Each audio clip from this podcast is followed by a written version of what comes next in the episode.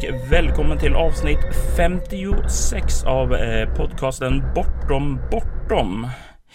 Det, I detta avsnitt så tänkte jag tala lite om konsten att skapa ett rollspel. Och jag tänkte, vem är då lämplig att vara gäst? Jo, eh, det borde vara mannen som troligtvis har skrivit flest rollspel i den svenska sfären. Och då säger jag välkommen till dig, Christer Sundelin. Tack så mycket. Eh, du har bockat av en mängd olika rollspel genom åren. Eh, om jag nu har rätt framför mig här, eh, och du får rätta mig om jag har fel, så är det Trollvinter, Neotech, Eon, Västmark, Lemuria, Skymningshem, Andra Imperiet, Järn och nu senast Hjältarnas tid. Stämmer det? Ja, ja det stämmer. Det är väl ett par små eh, småspel som inte är med i den listan men eh, det är typ ensidesspel och sådana där små saker så att de räknar vi inte.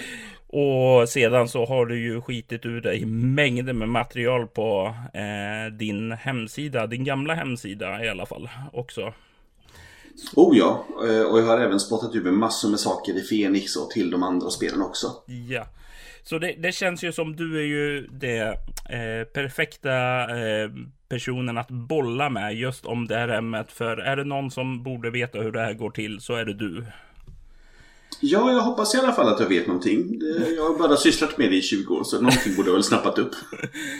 Oh, eh, tiden går fort när man har roligt. Ja, det sägs det. Eh, men innan vi glider in på det här temat för avsnittet då, så tänkte jag att eh, de som inte är bekanta med dig skulle bli lite mer, eh, ja, eh, lära känna dig lite. Och då brukar jag ha ett par frågor jag ställer till gästerna här i början bara för att få ett litet hum om dig. Mm. Och den första frågan jag brukar ställa är Hur kom det sig att du började spela rollspel? Det berodde på eh, ett par klasskamrater, nej förlåt, ett par skolkamrater på Lackarebäcksskolan. Som hade hittat den första blå boxen till Drakar och Demoner. Mm. Och det är deras fel att jag började för jag tyckte det här var så jävla kul att jag fortsatte. ja, jag tror det är många som tackar eh, dina vänner eller skolkamrater för det. Eh, men alltså, du var med då redan den första blåa boxen, alltså det från start då på eh, den svenska marknaden helt enkelt. Ja, om man inte räknar bort min Potter då som eh, till exempel mm. Mikael Börjesson kom med. Han, var ju, han är väl typ den som förde in spel i, rollspel i Sverige. Ja. Eh, så, ja, det från, de är väl tidigare det gänget då som körde Gotcon 77. Konvent 77 hette det visst på den tiden. Ja, eh, helt sant. Eh, eh, och Eh, blev det då att ni spelade ganska intensivt då i klassen? Det måste ha varit i mellanstadiet eller Ja, det var precis i toppen av eh, mellanstadiet, rätt in på högstadiet där. Mm. Eh, och vi spelade väldigt intensivt det som fanns och det var fruktansvärt mycket Dimön och fruktansvärt mycket vet du, Spindelkonungens pyramid. Oh, wow. Och en massa kopior av dessa. Mm. Eh, jag känner igen exakt samma sak, även om jag typ var eh, ett antal år efter dig. Men det var ju liknande, vad heter det, samma typ av scenario som man tacklade då själv. Mm. Eh, och jag tror många har gått igenom det sedan dess. Eh, men eh, hur gick det sedan? Du sysslar ju med rollspel idag. Är det alltid någonting som har rullat på hos dig? Eller har du haft eh, uppehåll under perioder? Eller har det varit konstant intresse? Ja, det har varit konstant intresse men ibland har det varit så där att det inte har funnits något spelgäng tillgängligt. Och, plus lite stress i vardagslivet så att det nästan fallit bort. Men det har alltid legat kvar och molat där i bakhuvudet någonstans. Mm. Eh, om jag, jag, brukar säga eh, också bara inne på frågan är eh, har du är du en allätare inom eh, hobbyn så att säga eller har du några särskilda favoriter. Eh, om man kollar på spelen du har gjort så är det ju lite blandad kompott där. Så eh, jag är ute och cyklar men jag tror att du är lite av en allätare i både genre och upplägg. Eh, på sätt och vis. Jag, får jag välja själv så gillar jag att spela eh, rollspel som tar ut svängarna lite grann. Och då menar jag inte typ i form av rollgestaltning utan snarare i miljön. Mm. Um, så jag tycker väldigt mycket om fantasy, jag tycker väldigt mycket om science fiction. Uh, jag är inte särskilt förtjust i nutid. Om det, om det inte är möjligen typ agentrollspel eller något sånt där riktigt överdrivet James Bond-aktigt möjligen. Uh, och det är, det är, lite, det är lite, av en, lite av en powertrip för mig att spela rollspel. Så att jag vill, jag vill ha kul. Jag vill inte, jag vill inte ställa sig för vardagens ångest. Den har jag ändå. Mm, nej, nej. eh, fullt förståeligt, fullt förståeligt. Eh, och eh, det, det är... Om, om jag skulle säga som så, om jag tvingar dig upp mot en vägg och ställer frågan vilket är ditt favoritrollspel? Vad skulle du svara då? Eh, oh, det är en sån där riktigt hårig fråga. Jag skulle faktiskt nog säga eh, Star Wars D6, den från Western Games på typ 86, 87 någonstans där var det väl? Det var den som, ble, det var den som blev sen eh, Stjärnornas krig på svenska. Mm. Eh, har också många, många eh, goda minnen av själv också. Oh ja. Och jag, jag minns också just det här med Någonting som var så annorlunda med eh, andra rollspel var ju just det här när man skulle spela de färdiga äventyren och man skulle börja och läsa eh, de här manusen eh, som var i början av scenariot. Eh, det var någonting som stack ut för mig i alla fall. Det var helt unikt på den tiden. Mm. Jag, tror, jag tror knappt att någon använder den tekniken idag faktiskt det är inte vad jag kan dra mig till minne så här på rak hand. Eh, så det, det, men det är alltså det är någonting som sticker ut i alla fall så här när man reflekterar tillbaka på det idag. Ja, det hade så många nytänkande finesser eh, som, var så, så, som var så smart inbyggda. Som till exempel att eh, ville du ha en spelledarperson på, och du inte hade stats för den så satte du fyra tärningar i spjutspetsförmågan och två tärningar i resten och så var det klart. Och det hade du en fullt komplett spelade person som regelmässigt kunde slås ihjäl. Mm. Och det är ju, vad heter det, en sån här liten skik som kan göra så mycket vid spelbordet. Eh, om man jämför mot andra rollspel där det är väldigt mycket stats som ska tas fram. Till exempel om jag tar ex exempel ur huvudet. Dungeons and Dragons 4. Ja, level 10 Warrior möter ni. Okej, okay, god lycka att improvisera det på stående fot. Mm. Då får man, får man ha tur och hitta den någonstans i en eh, sourcebook av något slag. Exakt, exakt. Eh, spelar du mycket Stjärnornas krig? Eh, eller var det en sån här som, ehm, vad heter det, blev mer att man eh, läste möjligtvis spelledde Oh nej, den spelades i... Oh! Vi har spelat Stjärnornas krig, den varianten, fram till 97 någonstans. Inte ens när D20-versionen kom så fort så slutade vi med den. Så den har alltid legat på topp där. Då är det verkligen någonting som ligger varmt om hjärtat då. Mm. Eh, jag brukar också ta och ställa en fråga. Om du tänker tillbaka över alla år som rollspelare och eh, försöker dra dig till minnes en eh, upplevelse som du har varit med om som har stannat kvar hos dig. Har du någon trevlig anekdot att dela med dig av? Ja, eh, när vi ändå talar Stjärnornas krig kan jag lika gärna ta en därifrån. För ehm, eh, vad som hade hänt var att vi var ombord på en, eller vi var på en, en stjärnbas någonstans och försökte sno hemliga ritningar. Det är väl det man alltid gör i Star Wars antar jag. Ja.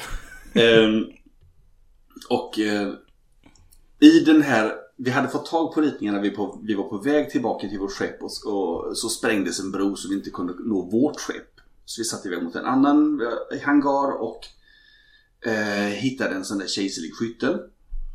Mm. Eh, vid namn Tiderium vill jag minnas. Så den klippte ganska bra in till Return of the Jedi så småningom. Så i vår, i vår headcanon så var det vi som stod skytten som de använde sen. ja men det är härligt man kan koppla eh, ihop det. Ja, och eh, på vägen då till den där skytten så dök plötsligt Darth Vader upp. med tänd, med tänt rött lasersvärd och han var jättehotfull och jag spelade jedin i gänget så att jag tog till, ja, jag, jag tog eh, poster i dörren och tyckte spring ni andra, jag tar det här. Mm och ehm, så Darth Vader anföll och jag parerade och det var knappt nätt och jämnt och jag högg tillbaka och Vader bara sket i det. det var liksom bara, han brydde sig inte och jag tog i som fan. Jag använde kraftpoäng och tog i ännu mer och Vader parerade. Och jag använde mitt andra kraftpoäng och Vader parerade. Jag tog mitt tredje och sista kraftpoäng och Vader parerade. Jag tog till och med dark side points för att liksom verkligen göra någonting åt det och Vader parerade. Eh, och jag gjorde om det en gång till. Nu hade jag två dark side points och nu var jag tvungen att börja slå för det där för att ramla över på mörka sidan. Eh, det var inte så stor chans just då med två dark side points. Men eh, det var fortfarande ganska äggigt då. Eh, och Vader parerade. Och sen tröttnade han. För då, hade, de höll, då höll de andra på att starta motorn och kom iväg då liksom. Så nu, nu var han tvungen att snabba upp lite grann. Så att han använde, använde en dark side point. Och spelaren skrapa ihop alla sina tärningar bakom skärmen och frågade Kan jag få låna åtta tärningar till? Fuck. Eh, så min jedi blev av ena, ena armen. Som vanligt. Det är också någonting som brukar hända i Star Wars. Eh, och blev sedan en kejserlig fånge och eh, utsatt för diverse hemska försök att omvändas till den mörka sidan. Och övriga gänget fick ta i som 17 för att försöka hitta på en plan för att få ut mig därifrån. Oh. Jag, jag, jag ser det här framför mig. Det är så det här så mäktigt att man, man känner bara, ja, jag överlever mot Darth Vader och sedan så kommer den där poängen bara, ja, nu, behö, nu använder han Dark Side Point och man känner man har kämpat och krämat ur det mesta och han har inte ens börjat där ännu. Precis, det var en, det var en sån upplevelse, den ligger fortfarande varmt om hjärtat. Ja, jag förstår det. eh, då får jag tacka för den eh, lilla anekdoten och eh, med det så tycker jag vi segwayar in till det tema som vi ska tala om, nämligen att skapa rollspel. Mm.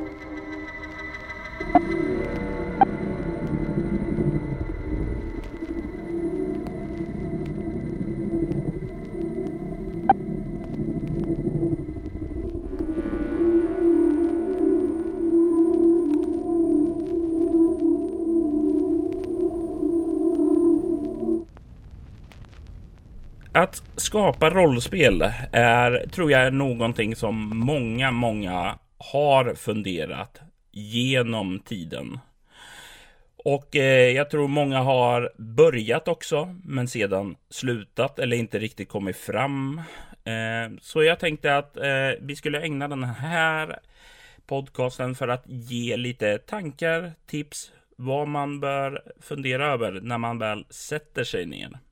Och eh, jag och Krille tror jag har väldigt, väldigt olika sätt att skapa eh, rollspel på. Eh, för jag har eh, till skillnad från Christer gett ut bara tre rollspel och eh, alla de här befinner sig i samma värld, även om det är olika genrer. Och eh, jag arbetar då mycket med iterationer, alltså att man utvecklar något från början, sätter en grund och sedan vidareutvecklar det. Men jag, om jag kollar på din eh, lista över spel, Christer, så verkar du hoppa både mellan världar, olika regler eh, och det leder mig upp till frågan var börjar du egentligen någonstans när du sätter dig för att skapa ett rollspel, Christer? Eh, oftast börjar jag med att sätta mig ner och... Eh, oftast börjar det med en lös idé till någonting som jag skulle vilja ha som inte finns. Mm. Alternativ som jag inte har. Det är, det är ganska hårfin skillnad mellan de två. Mm. Eh, och från den idén så började jag fundera på, går det att göra som rollspel överhuvudtaget? Eh, vad, hur skulle man göra det? Och, liksom, och vad skulle spelarna göra i det? Vad spelarna skulle göra i det, det låter ju som ett väldigt bra eh, ja, plats att starta på egentligen. Att eh, om man vet det så har man någon möjlighet att fokusera åt något håll. Ja, framförallt så vet du om spelet faktiskt funkar som ett spel. Eller om idén funkar som ett spel. Eh, det kan ju hända att du kommer på en jättecool idé som hade varit bättre som bok kanske. Mm. Och eh, det, det är väl det jag tänker på. Du sa alldeles nyss att eh, om det ens passar som rollspel. Eh, att det ibland passar bättre som bok då. Men är det några andra tillfällen eller mm, ja, vad ska man säga? Fall där du har stött på och känner att det här, nej, det går inte att göra rollspel av. Eh, oh ja, ganska många faktiskt. Eh, jag hade en knäpp idé en gång i tiden om ett eh, ganska ösigt eh, det, science fiction-spel.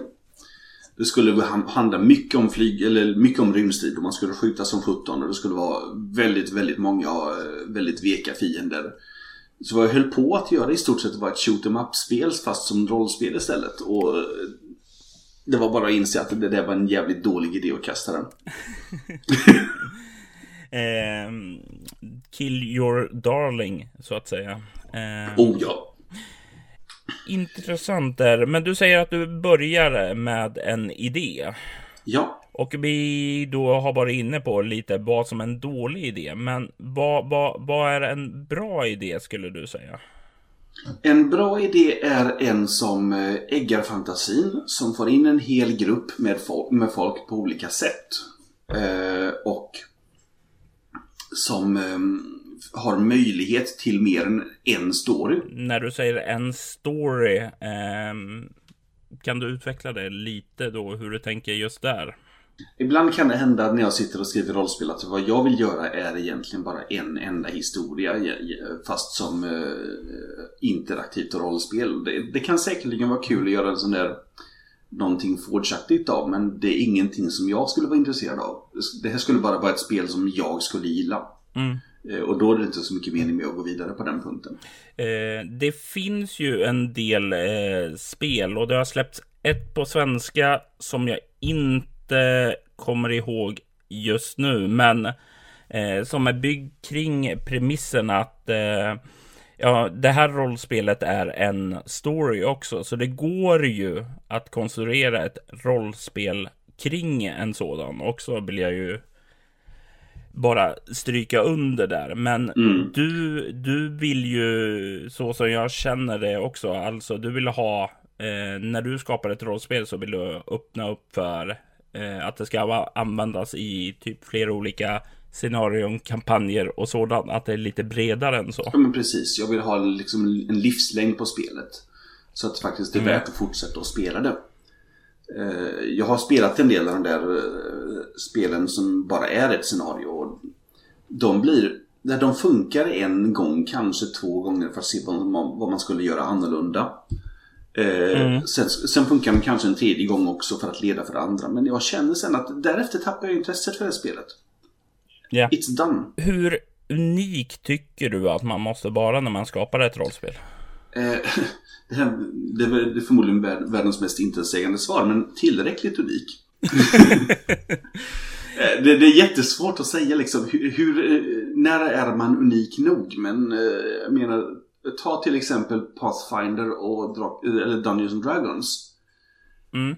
Det är i stort sett samma spel. Ja. Eh, men den ena har hittat en marknad när Dungeons and Dragons blev Dungeons and Dragons 4. Och fortsatte, då fortsatte Pathfinder åt sitt håll. Och var tillräckligt unik för det. Jag vill göra en svensk analogi här också. Alltså Drakar och Demoner gick ju över till Kronopia. Och eh, många var ju missnöjda då. Ehm, och eh, någonstans där också så dök väl E.ON upp och fyllde ett tomrum som hade skapats där. Ja, jag tror det, det var faktiskt så att det var därför som E.ON lyckades få en publik. Mm. Så det, det är lite grann också där att man hittar en nisch. Alltså det, man talar ju om det här, timing är allt, eh, ofta.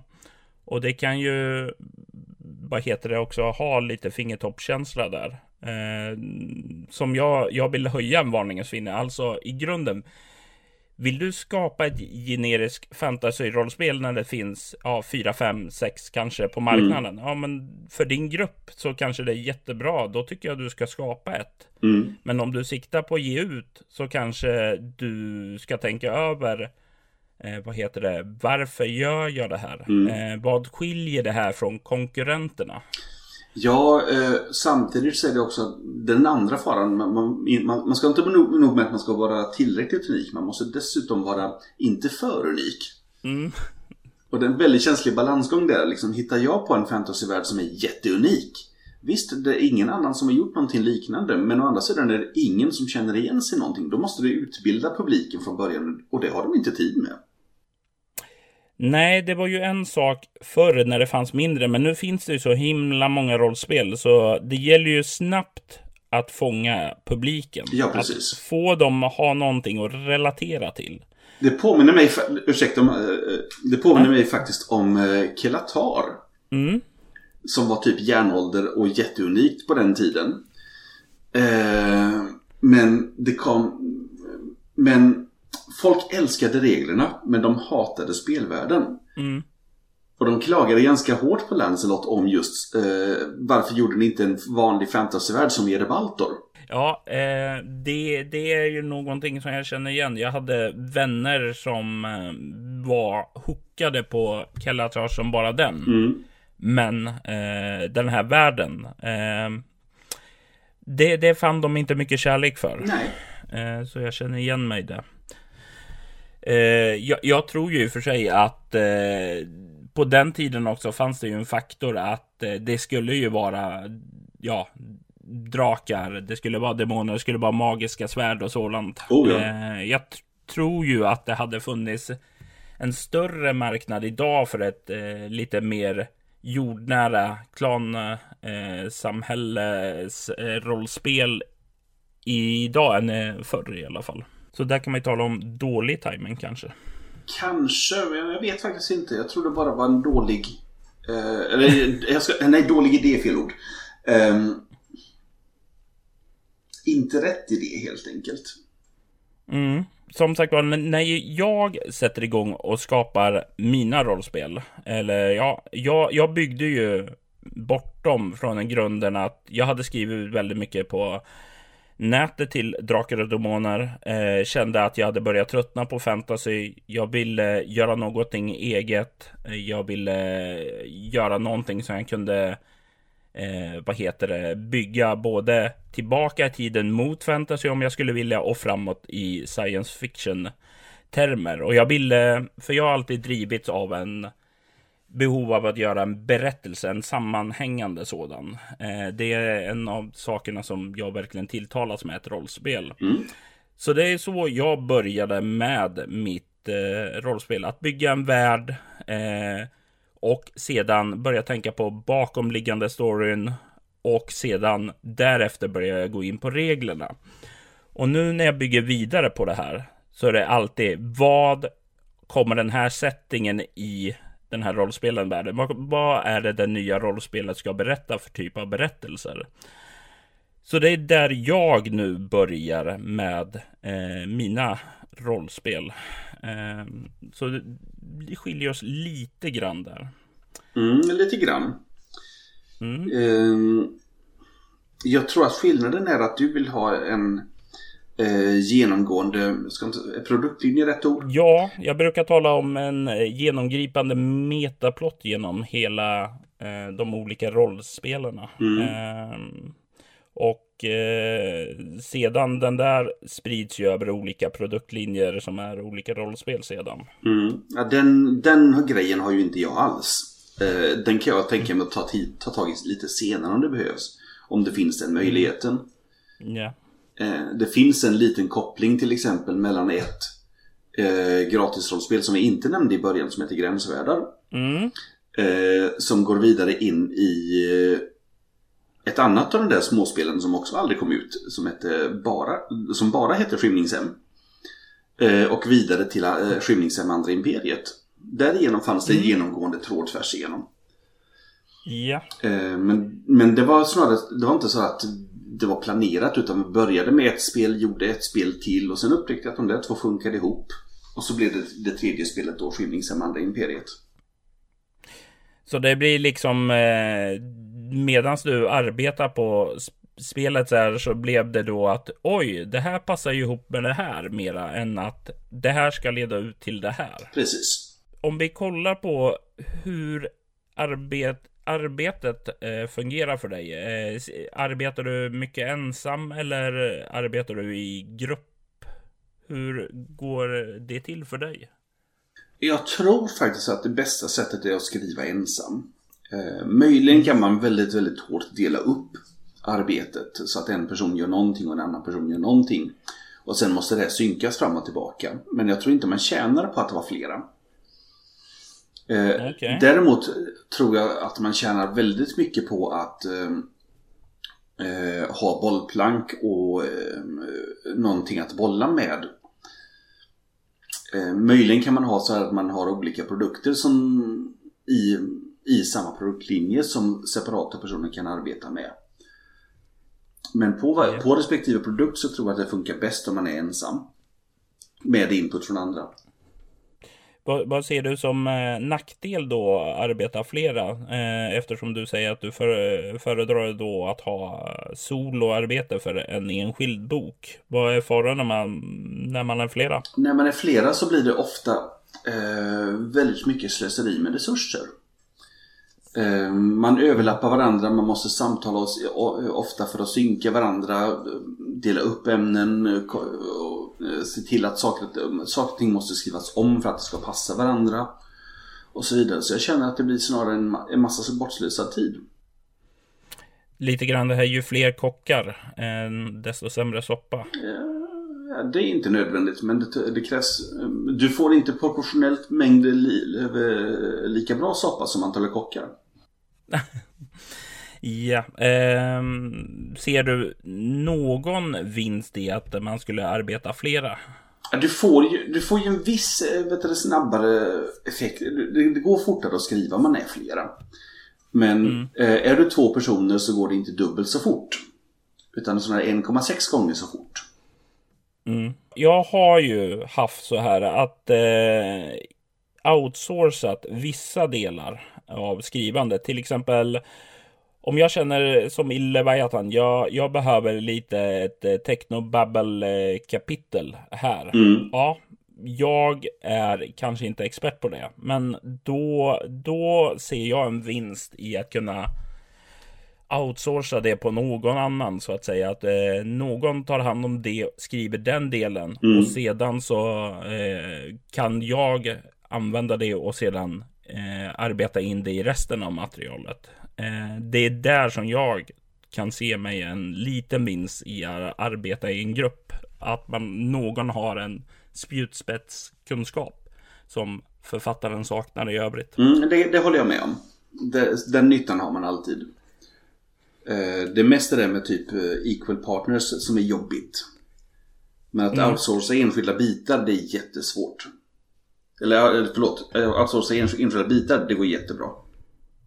Mm, ja, men då, då låter det ju som att du och jag är i alla fall lite på samma bana då.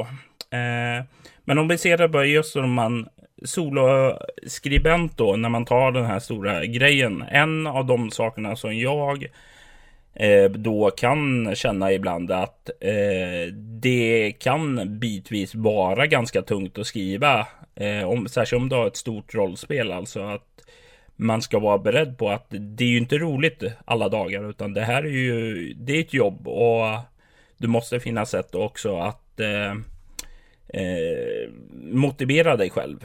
Eh, och det är ju någonting som jag känner också, du kan lättare få den här uppmuntran Eh, om du har en liten grupp som arbetar också.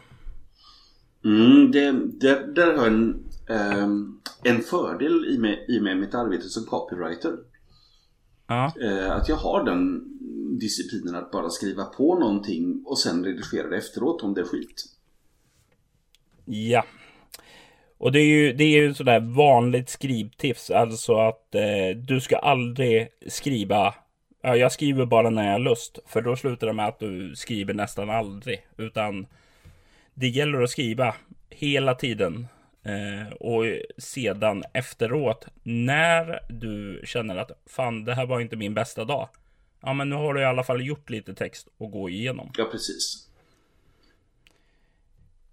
Hur brukar du strukturera, eh, vad heter det, när du har kommit fram? Jag har en idé, jag vet vad karaktärerna ska göra, jag vet hur jag vill arbeta. Hur strukturerar du arbetet framför dig? Eh, skriver du från början till slut eller hoppar du runt? Lägger du upp arbetsrutiner, särskilda tider som du skriver och sådant. Kan du berätta lite om hur du strukturerar upp det? Det första jag gör är faktiskt att sätta upp en punktlista med vad som ska ingå. Eh, mm. Jag bygger nästan i stort sett innehålls, innehållsförteckningen först. Ehm, och utefter... Är det någonting du alltid har gjort eh, ända sedan början? Är det här någonting som du har fått bättre översikt och vet exakt vad du vill ha med nu när du har skrivit så många rollspel? Det första jag gör är faktiskt att sätta upp en punktlista med vad som ska ingå. Mm. Jag bygger nästan i stort sett innehålls, innehållsförteckningen först. Är det någonting utefter... du alltid har gjort eh, ända sedan början? Är det här någonting som du har fått bättre översikt och vet exakt vad du vill ha med nu när du har skrivit så många rollspel? Det, det är någonting som har växt på mig. Eh, framförallt är det det att um, gör, jag, gör jag en sån punktlista Eh, så kan jag väldigt, väldigt fort få en prototyp som går att speltesta. Mm.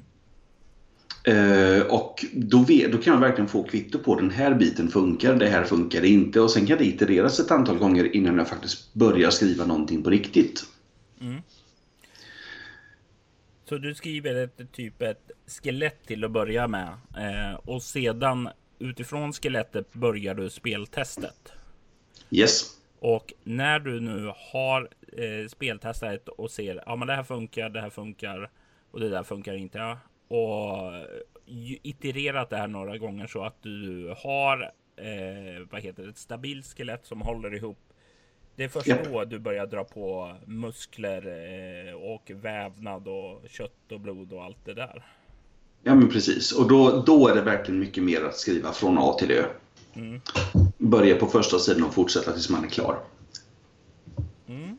Det är väldigt frestande ty tycker jag ibland att hoppa över liksom till de balla bitarna. Stridskapitlet är alltid lite roligare att skriva. Eh, men jag kör verkligen från A till Ö. Okay. Vid det här laget har jag dessutom fått vad heter det, ett upplägg på en uh, synopsis på, det, på, bo på boken, så hur den ska se ut och hur, vad den ska innehålla. Mm.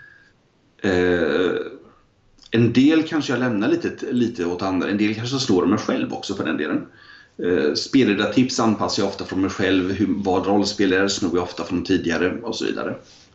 Jag skiljer mig här också ifrån dig, för jag, jag, jag flackar ju lite. Alltså, eh, jag skriver ju inte från A till Ö, utan Mm. Jag tar de här cherry picking så att säga. Jag tar det här. Just nu vill jag gå in på det här. Ja, men då skriver jag det och sedan så hoppar jag till nästa och så. För, för mig så känns det alltså, då håller jag hela tiden igång och då får jag ett momentum.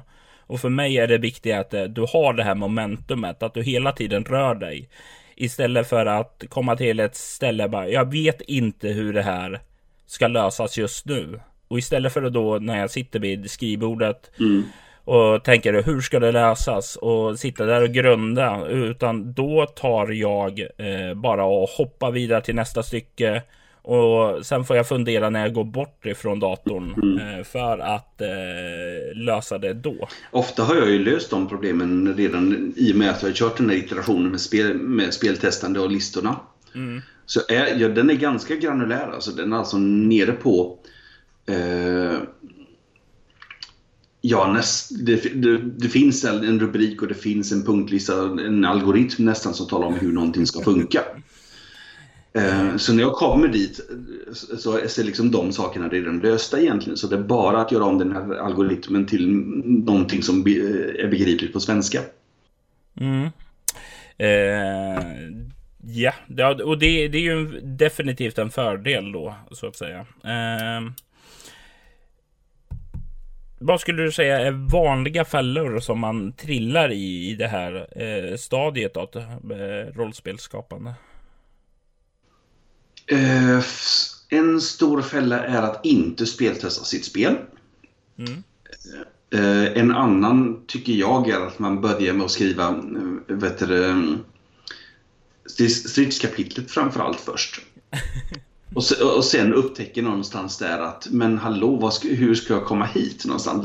Då liksom måste man backtracka till um, rollpersonskapandet för att få fram de värdena till det och så vidare. Så att um, att skriva så där lite hipp som haver på vad man känner för känner jag ofta en stor, stor fälla för mig i alla fall.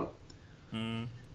Jag vill verkligen ha löst allting det där innan jag börjar skriva. Jag, jag kan skriva under det på det också. Att det är bra att ha så mycket klart eh, från början när man skriver. Eh, jag brukar ju som sagt vara eh, Alltså innan jag sätter mig ner och skriver på saker, då försöker jag tänka, tänka igenom allt som ska skrivas så att när jag väl sätter mig ner så är det mestadels bara att skriva. Eh, just för att jag har eh, stött på så många gånger att eh, jag kör fast i början där, när jag börjar skriva på 90-talet till en massa nätgrejer då. Mm. Att eh, man slösade bort så himla mycket tid på att bara sitta där och klura och klura. Mm. Och eh, klura kan du göra utanför eh, dator Eh, det kan du göra när du sover, när du städar eller när du är ute och går. Eh, skriva, det gör du vid datorn. Så att säga. Precis. Eh, om vi sedan går vidare, för ett rollspel är ju inte bara text och regler, utan det består ju även av andra faktorer som layout och illustrationer. Um, hur viktigt skulle du säga att illustrationer är i ett rollspel, Christer? Jag tycker det är jätteviktigt. Eh, till att börja med sätter det stämningen. Det talar om hur världen ser ut och hur den funkar. Eh, den ger förväntningar, det förankrar ögat så att när du väl läser i regelboken så vet du vart du ska bläddra när du, när du letar efter någonting. Mm. Eh, så det är skitviktigt är det viktigare med att få bra illustrationer än många halvdana? Jag tycker personligen att det är viktigare med, eh, eller det, det beror i och för sig lite grann på vad det är man gör för någonting. Gör jag ett gammalt, eh, eller gör jag ett OSR-spel, Old School Reconnaissance, eh, Reconnaissance det är fel, Renaissance är det. Mm. Ja, så ingår det nästan i konceptet att det ska vara lite halvkassa illustrationer som egentligen inte har med någonting att göra. Mm. Man använder en liten dödskalle någonstans som utfyllnad liksom. Eh, å andra sidan skriver jag en högnivåprodukt liksom. Då, då är det få men jävligt bra som gäller.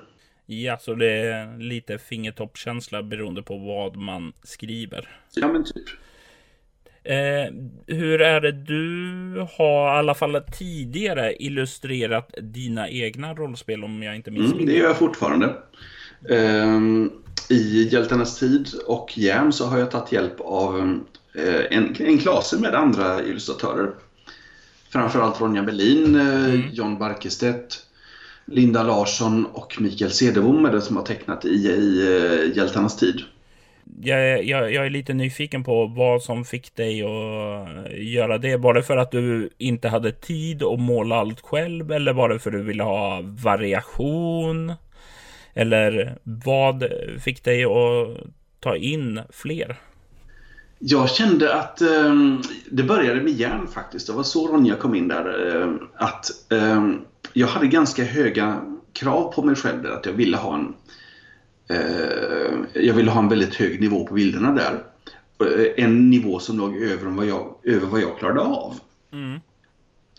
Eh, så jag frågade Eh, dels Per Folmer att göra omslag och dels Ronja att göra inlageteckningarna.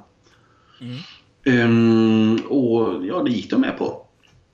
Sen blev Ronja så, jag blev så förtjust i hennes teckningar så att vi körde bara på dem i, i vidare i, i, i ehm, eh, den crowdfundade versionen av Järn och därefter i Hjältarnas tid. Mm.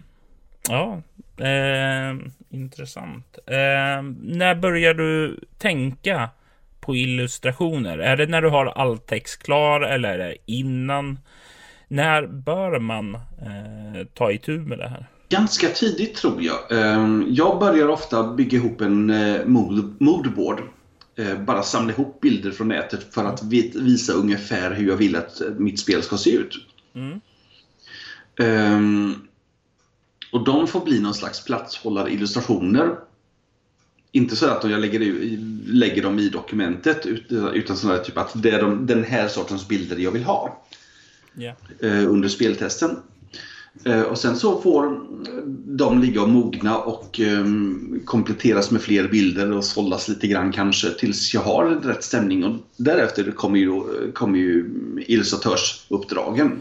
Ja, hur brukar du tackla dem? Alltså, jag kan ju bara utgå ifrån mig. Alltså, de illustratörer som jag har haft att göra med. De brukar säga så här att eh, ja, vi vill gärna ha eh, alltså i, för dem så säger de att ja, beskriv gärna så mycket som möjligt. Alltså säg inte bara ja, du vill ha en sandöken med en krigare i, utan de vill gärna ha, ja men beskriv krigaren, säg sandöknen, eh, säg detaljer du vill ha med.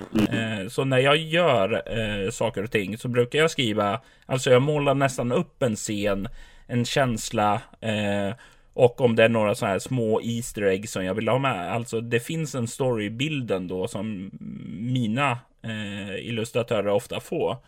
Eh, och jag blir lite nyfiken på hur du tacklar det när du beställer bilder från illustratörer.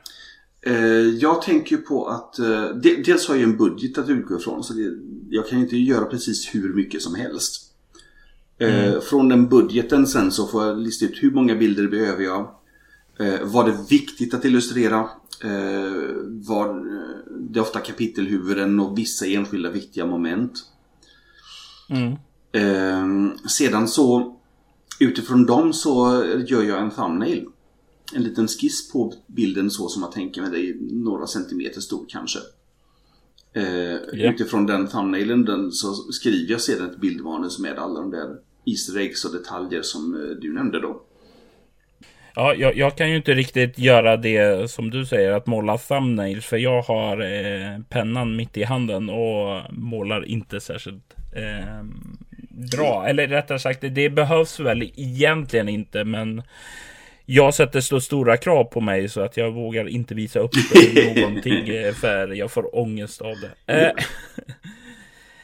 Eh, eh, jag brukar också försöka, för bilder tycker jag är eh, själv är en viktig eh, del av eh, rollspelen då. Eh, och jag försöker alltid inkludera små detaljer eh, som lever, alltså att det ska finnas detaljer att hitta eh, när man kollar på dem som i mitt fall då eftersom jag skriver med en metahandling och sådant. Att det finns små hints till den eller blinkningar till det.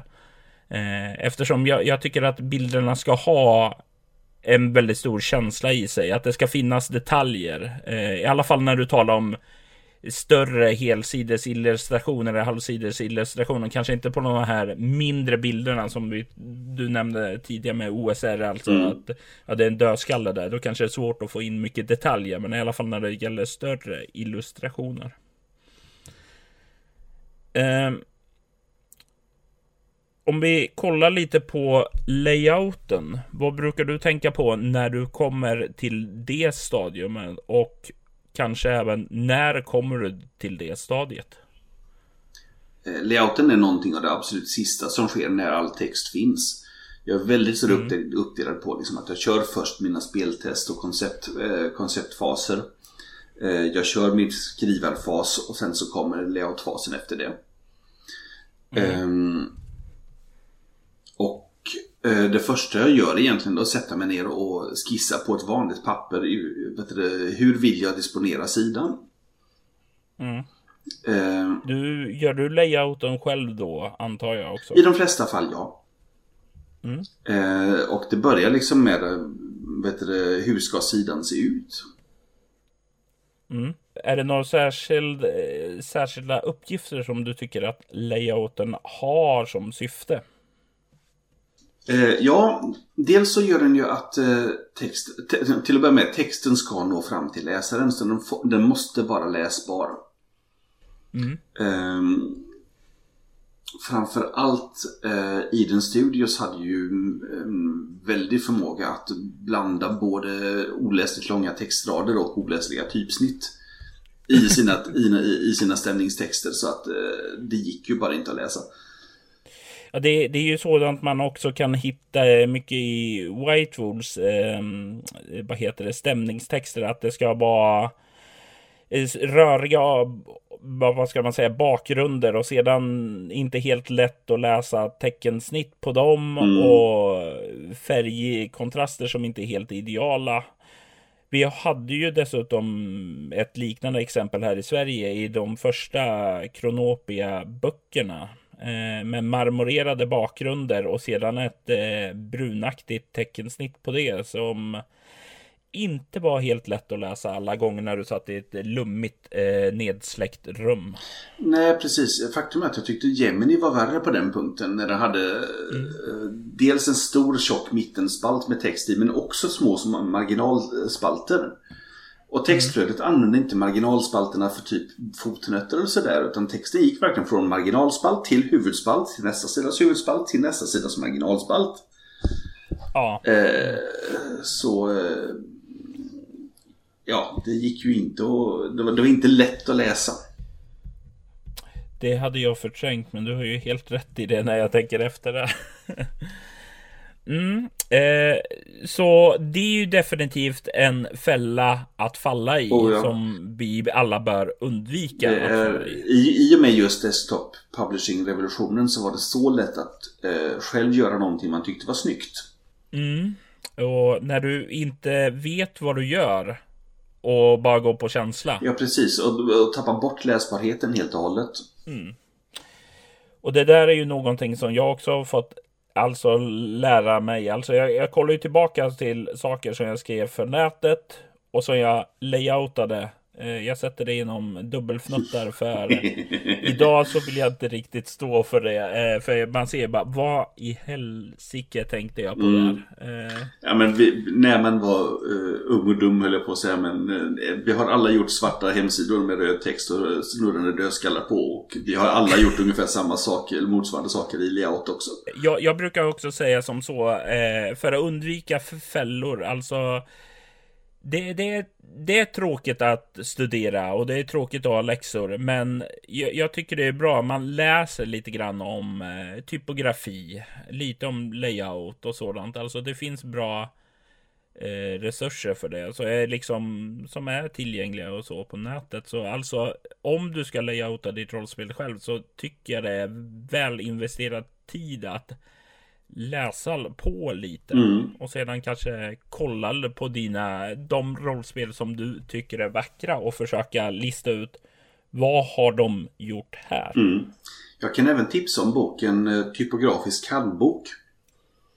Eh, nu kommer jag inte ihåg vem det är som har skrivit den men den är verkligen sån där grund grundläggande eh, kunskap om eh, typografi och layout. Jag lutar mig tillbaka för att dra ut den ur min bokhylla och det är Christer Hellmark som har skrivit typografisk handboken. Ja, det är den. Precis den. Jag lämnar den informationen i, eh, vad heter det, inlägget till den här posten. Så ni som är nyfikna kan spana in den vi talar ju lite grann, eller rättare sagt du talar lite grann om disposition. Mm. Eh, och eh, att det var det första du började med. Eh, men vad, vad, är det viktigt att man ska tänka på i det läget? Eh, att det viktigaste är nog faktiskt att eh, inte ha med för mycket. Det är väldigt, väldigt lätt att vilja få in precis allt. Men saker och ting kan vänta till sen. Man kan göra en bok till efteråt. eh, eh, det, det, det är därför man har splatbooks. För att få in det man inte eh, ska krångla till eh, grundreglerna. Ja, men precis. Um, så titta på liksom, behövs det här verkligen för det vardagliga spelandet? Är det någonting som är specialfall för bara en klass? Eller Eh, för en viss situation eller någonting. Om det är det, fundera på om du kan klippa bort den. Och det är följden då med att arbeta med en sån där konceptdispositionsfas att liksom man kan göra de bedömningarna innan man börjar skriva. Så slipper man lägga ner resurser på det när man, när man väl sitter och skriver. Och jag tänker ju säga om du sitter nu här och hör Krilles råd och har skrivit massa saker och tänker vad fan, men jag har ju redan skrivit det här. Då är det lika bra att slänga in i boken. Nej, eh, jag skulle rekommendera att bara ta klipp ut det där, sätt det i ett annat dokument eh, och använd det till sen. För har du skrivit texten redan så går det alltid spara den eh, och använda den efteråt. Ja, precis. Eh, ja, eh, vad, men om vi går in på eh, den här standarddispositionen, att det är många rollspel börjar med så här, ja men först har du vad är rollspelkapitlet? Sedan har du regler, sedan har du karaktärsskapande, sedan har du stridsregler, sedan har du magikapitlet, sedan har du utrustningskapitlet och sedan så kanske kommer introduktionsscenario. Vad, eh, vad bör finnas med i ett rollspel egentligen? Eh, alltså i grunden behöver du egentligen bara något sätt att hantera konflikter på och någonting som talar om vad det gör. Mm. Um, sen allting därutöver liksom, det, det, det beror på om det behövs för just det spelet. Men vill du verkligen göra ett väldigt, väldigt enkelt spel så tala om vad det här spelet handlar om och hur man löser konflikterna i spelet. Mm. Uh, och sen behövs inte mer. Mm. Sen kan du få gå fullständigt bananas liksom på att skriva ut speciella regler för hur man gör rollpersoner. Det är väldigt vanligt. Speciella regler för strid, speciella regler för magi etc. etc. Mm. Eh, den här formulan som jag rabblade upp alldeles nyss där. Eh, jag tänker det, den är ju relativt vanlig, alltså, men det finns ju undantag till det här. Till exempel, nu kommer, vad heter troll, hammaren och trollspöet. Är det rätt rollspel jag tänker på nu? Eller det som... Jag, tror, jag, jag har inte läst det spelet men jag tror du mm. vet, jag tror, jag tror att jag vet hur du menar. Eh, Oktoberlandet kom det en utgång, eh, kom det ju som. Oktoberlandet. Ja, det, det är andra versionen där, mm. men första så kom det ju ut så att eh, första delen av boken. Mm. Det var en lång, eh, ja, skönlitterär text helt enkelt. Mm. Och sedan så kom reglerna i slutet där. Mm. Och det är ju någonting som inte är så vanligt. Ja, det förekommer. Eh, utan så... Castle Falkenstein mm. har, samma, har samma grej också. Mm. Det börjar med att beskriva världen ur eh, synvinkeln på en person från vår värld som råkar ramla dit.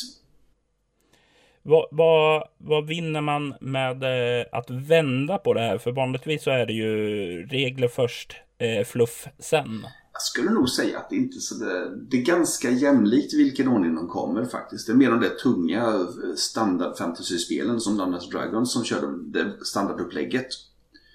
Eh, alla andra spel behöver utvi- eller utbilda sina eh, spelare på vad spelet handlar om. Och hur världen funkar. Och den biten får de ju in i med att de tar spelvärlden först och reglerna sen. Så helt enkelt, det, är lite grann för att sätta sätta spelaren i rätt känsloläge och rätt stämning när de väl kommer till regelbiten då som man vinner på att eh, ha sådana där stämningsgrejer först. Ja, delvis. Eh, delvis också just att de vet vad, vet vad världen handlar om. Eh, mm. Och också att, att de vet att de är sugna på att spela spelet. Det är ju någonting som är någonting man vet eller bör eh, få spelarna att känna när de väl kommer och sätter tänderna i det. Oh ja. Det är ytterligare en del av eh, layoutens jobb, liksom att göra folk sugna på att läsa vidare och att uh, ta itu med det här spelet. Mm. Eh, om jag skulle ta och börja och och eh, summera här våra tankar och sådant. Eh, så tänkte jag att vi skulle kunna lämna våra lyssnare med några tips till de som faktiskt vill sätta sig och skapa sitt första rollspel. Och jag tänkte Christer, skulle du vilja börja med ett tips? Om det är för att börja skapa sitt första rollspel så eh, skriv något, vad som helst och sno ohejdat. Skit i om det ska vara unikt utan bara gör någonting så att du har gjort något. Mm. Jag säger att eh, en sak som är väldigt, väldigt viktig när du skapar ditt första rollspel är att det är någonting som just du brinner för. För det är du som ska orka och skriva allt det här och om du ska skriva vad andra, vad du tror andra kommer att gilla. Ja, men då kommer inte du själv orka utan du måste eh, verkligen vara engagerad i det här och därför är det viktigt att du tar dig an någonting som du verkligen, verkligen har passion för. Har du ett andra tips, Christer? Um, speltesta så fort som möjligt. Uh, så att dels att du vet att det funkar, dels att du får dina kamrater att gilla det här konceptet också. Så att de kan stötta dig. Eh, och det kan du inte göra om du bara sitter och skriver på kammaren utan börja speltesta tidigt. Jag eh, följer upp det här med eh, Ja, eh, inom datorspelsvärlden så är det ju ofta ett knep att man eh, designar, eh, vad heter det, mm, första banan sist. Just för då har man lärt sig allt, vad heter det, som, ja, man har fått alla läxor under vägen. Du vet hur, vad ditt spel är och allt sånt där. Så när du har kommit så långt att eh, du, har, du vet att du vill presentera det här spelet för andra och inte bara för dig och din egen spelgrupp och då sätter dig ner och skrev, skriver presentationen av spelet. Alltså ta det här sist när du har speltestat, när du har utvecklat det och när du känner att det här är stabilt. Eh, ta den här presentations biten eh, sist då. För det är då du lär dig, eh, har lärt dig vad ditt spel är. Gör inte som jag och försök presentera någonting ofärdigt först. För det var så jag började och det läxa som jag fick lära mig eh, genom att eh, tappa en del värdefulla kontakter i början. Eh, så ta den biten sist säger jag. Eh, Christer. Mm. Har du ett sista tips? Eh, ja, faktiskt. Eh, det finns inom filmvärlden någonting som kallas för en elevator pitch. Eh, och det kommer sig av att man råkar typ träffa någon studiochef i hissen på vägen upp. Du har 30 sekunder på dig att framföra din egen idé och varför, man, varför han vill gö göra en film av den. Eh, så ett sätt att presentera sitt färdiga rollspel är att tänka igenom hur ska jag presentera det här på bara 30 sekunder? Det är jätteviktigt. Alltså, och jag, jag, jag har ju sett det själv alltså att folk som ska presentera projektet de eh, har arbetat med och så ställer de sig och börjar prata och prata och prata och mm. liksom inte kommer till skott alltså. Och du har inte hur mycket tid som helst att presentera det utåt. 30 sekunder max. Mm. På hemsidor brukar man säga liksom att kan du inte göra någonting på en hemsida efter sju sekunder så kommer de att klicka tillbaka. Mm. Eh, precis. Eh, jättebra tips.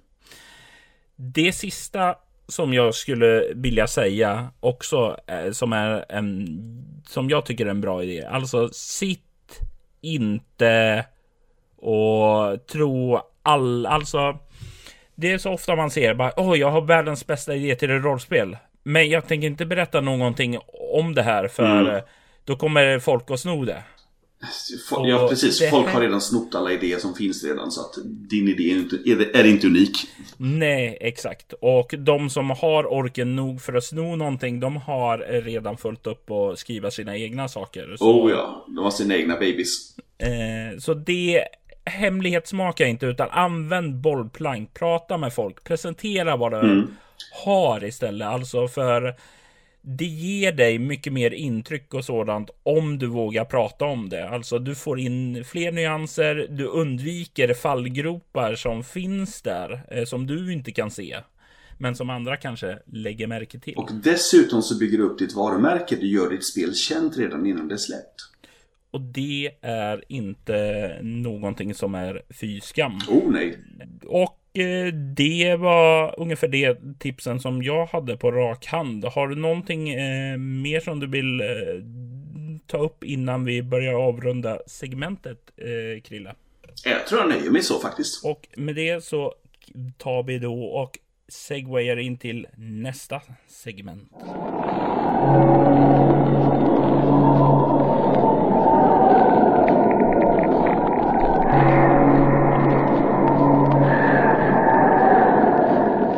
I denna sektion så kommer vi att tala om vad som pågår i våra, eh, våra skrivarverkstäder. Och Krille, eh, du som är gäst här, jag tänker att du skulle kunna få börja vad du pysslar med. Mm. Eh, jag har ganska mycket på gång. Eh, till hjältarnas tid så är det ju ett antal moduler på gång som eh, håller på att redigeras. Mm. Eh, jag vågar inte nämna titlar än eftersom det inte är helt spikat eh, hur, hur och när de ska komma ut. Men de ska komma ut och jag sitter och redigerar dem. Mm. Och det är inte jag som har skrivit dem utan det är faktiskt andra som har frilansat på just de böckerna. Spännande. Eh, Sorgeveden, Kickstarten har ju gått i mål. Med 46 000 insamlat. Så Anders Blixt har börjat skriva. Det eh, ser fram emot det. Eh, det Anders Blix är ju ett eh, väldigt välbekant namn Oh, ja. eh, i rollspelsvärlden. Och, men du har arbetat med honom förut eh, på Lemuria, om jag inte minns fel. Ja, den skrev vi ihop. Han skrev väl ungefär en sidan 90% och jag skrev väl 10% och sen byggde jag layouten på den.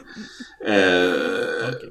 Men framförallt var det lite spelledartips och lite ren eh, fakta om eh, överlevnad i eh, svåra miljöer som jag skrev. Mm. Men om du skulle ta och presentera Sorgeveden eh, för våra lyssnare. Mm. Vad är Sorgeveden? Eh, Sorgeveden är en jättestor skog. Den är så stor att den inte kan kartläggas. Eh, idén är istället att man eh, färdas och genererar eh, de områdena som man dyker upp i. Det, Tanken är väl inte helt olik Star Treks plan, planetens, eller veckans planet. Ja, Okej, okej, då är jag med på själva konceptet. Där. Mm, eh, fast, då i, fast då i en jättestor fantasyskog. Eh, Ja. Och i den finns det mm, Ja, det finns alver, det finns dvärgar, det finns orker som inte finns i hjältarnas tidigare i grunden, så det är ett nytt tillägg. Eh, det kommer bli en eh, druidorden som eh, har ganska mycket inflytande i den här skogen och vill försöka förstärka det på olika sätt. Vi har även influenser utifrån som eh, handelskompanier som vill handla. Så det är ganska mycket som händer i skogen och spelarna kommer dras in i det här. Spännande. Eh, mycket, det låter som mycket finns att hämta där i den oändliga skogen. Oh ja. Eh, och det är jätteintressant att se det, det som Anders Blix har skissat fram redan nu. Han jobbar ungefär som jag med rubriker så att man kan se liksom, mm, nu vet vi ungefär vad som kommer. Det här blir jättespännande. Oh, spännande. Eh, ja, men alltså, jag kan tänka mig det. eh, Du, du som inte skriver det, men liksom har ansvar för att det ska komma ut och så. Ja, och får såna, antagligen statusuppdateringar och sådant. Och se bara, aha, nu har den här rubriken har kommit till lite mer info Ja. och liksom ana vad som kommer och hela tiden se det utvecklas. Ja, Det- det är jättekul. Eh, sen kommer jag i alla fall att skriva en del äventyr i Sorgeveden. Jag har redan gjort ett litet miniäventyr som finns tillgängligt för backarna, men alla andra får vänta.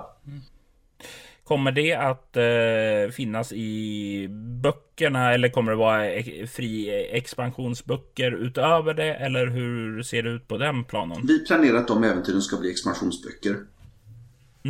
Ja, okej. Eh, utöver det så är det, jag fortsätter att skriva på Blå himmel, mitt första världskrigs fantasy-rollspel. Eh, och det här är någonting, alltså du, du har ju, du figurerar ju en del på rollspel.nu och du har skrivit om dina projekt där och eh, presenterar dem. Och om jag inte vill minnas det så var Blå himmel, det kom väl till före eller du hade presenterat det före järn, om jag inte minns fel va? Oh ja, eh, det började faktiskt med att Anders Troberg körde sin dogmautmaning. Dogma-utmaning. När man skulle skriva ihop ett rollspel på bara två sidor. Ett ark A4. Mm. Eh, och då skrev vi ihop en första prototyp av Blå himmel. Att istället för Dungeon så har man uppe, uppe i luften istället. Mm. Och sen dess har jag känt att det här är en cool idé. Det går att utveckla. Så jag har byggt vidare på den idén och eh, under lång tid, jag menar vi talar någonstans kring, blir det? Sex eller sju år nu.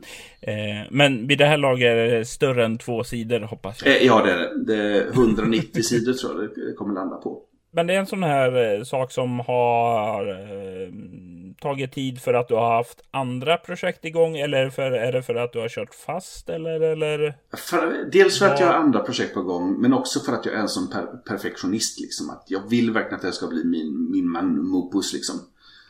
Mm. Eh, jag kan inte nöja mig med att det skulle bli typ ett Ja, ett, jag kan inte nöja mig med nummer två helt enkelt.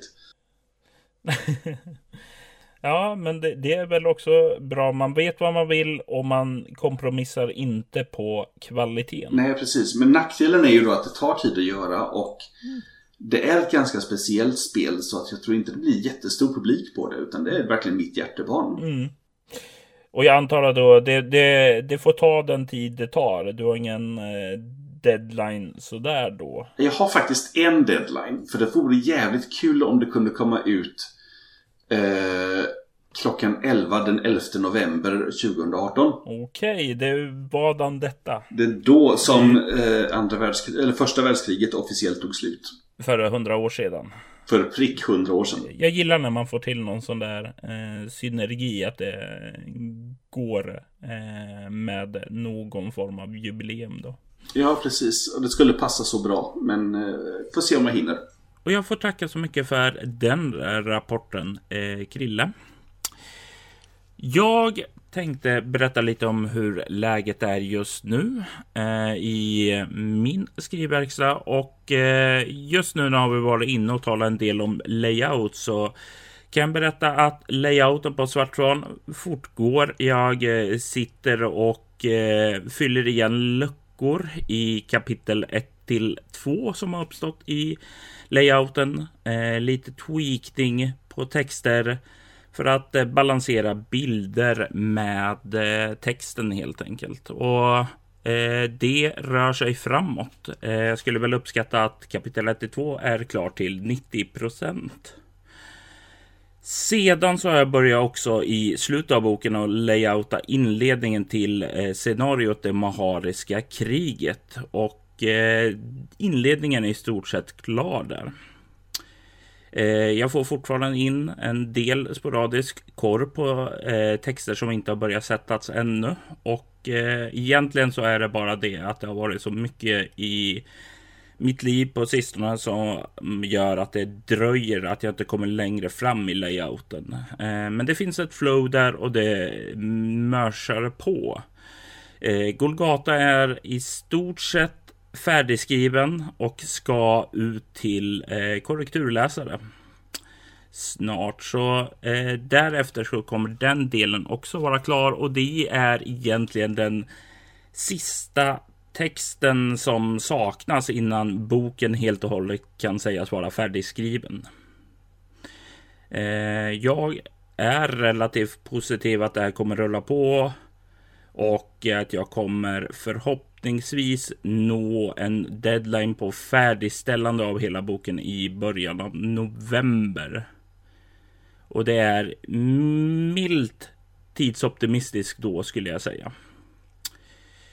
Samtidigt så håller jag på att speltesta eh, nya Bortom-reglerna. Eh, de har en grund att stå på nu. Eh, de olika eh, resorna som eh, jag har talat lite möjligt om att man går från att vara ovetande till att bli uppvaknad och därmed på något sätt eh, få en kontroll över det övernaturliga eller en liten edge. Och de här resorna som jag kallar det eh, kan, eh, ja, jag vi har talat lite grann i början av poddens historia om till exempel drömmar, själen och magi. Och det är alla olika resor som man kan ta i spelet. Den sista resan är avatarer. Och avatarer är snarare personer som är berörda av någon av de här kraften. Eh, du har inte kanske lika stor kontroll, men du har större frihet än vad som sker under de andra resorna. Eh, och det är just i speltestfasen jag befinner mig av de här. Det finns en del skrivet om det. Men nu sitter jag i stadiet att allt eftersom saker och ting kommer in från speltest så funderar jag över, okej, okay, hur kan de här revideras? Hur kan de göra mer streamlinade? Eh, hur kan de finodlas helt enkelt? Så det är i spelteststadiet just nu. Alldeles, alldeles för tidigt att tala om när det här kan bli färdigt. Men eh, Axel Widén, eh, som har varit gäst här i podden tidigare och driver sin egen podd, Vi spelar rollspel, eh, håller just nu på att eh, med mig bolla fram en layout. Och eh, jag känner att vi har någonting bra på gång här. Eh, många intressanta perspektiv från Axel och jag hoppas att kunna visa någonting av det här i framtiden.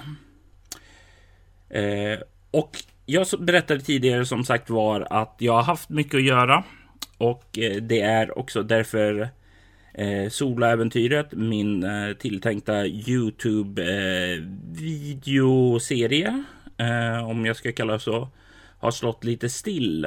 Eh, jag har fått prioritera andra saker som känns mer viktigt för tillfället. Men eh, jag kommer i kommande podcast ha gäster som har inte gjort, inte gjort just det, men som har berört liknande saker.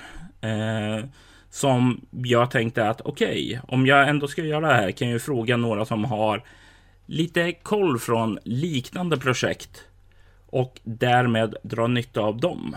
Eh, så ni kommer få höra mer av mina gäster framöver då.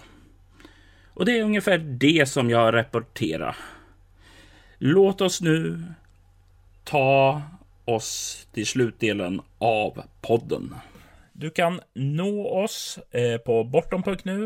Eh, vi finns på Facebook och vi finns på Twitter och Google Plus som att spela bortom. Eh, och så kan vi nå oss via mejlen på info bortom.nu.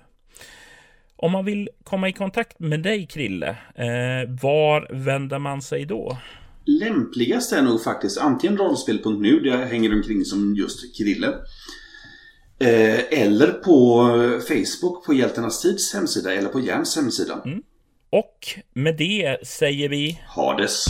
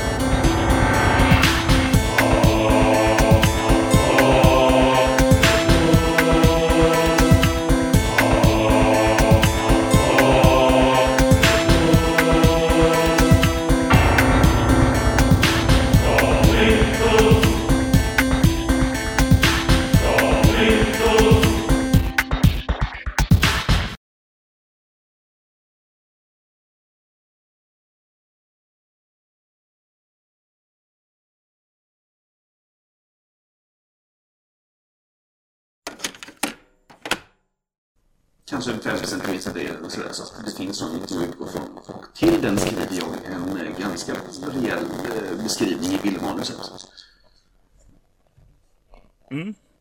Eh, nu hände någonting med ditt ljud, Christer. Jaha, vad händer då? Eh, det knastrar och har sig och sen så låter det som du har ett eko. Eh, alltså eko som släpar efter när du talar. Eh, Okej. Nu, nu blev det bra. Eh, Okej, då var det väl att jag fick ta upp Audacity där. Var Vad ska jag ta mig, ta mig ifrån?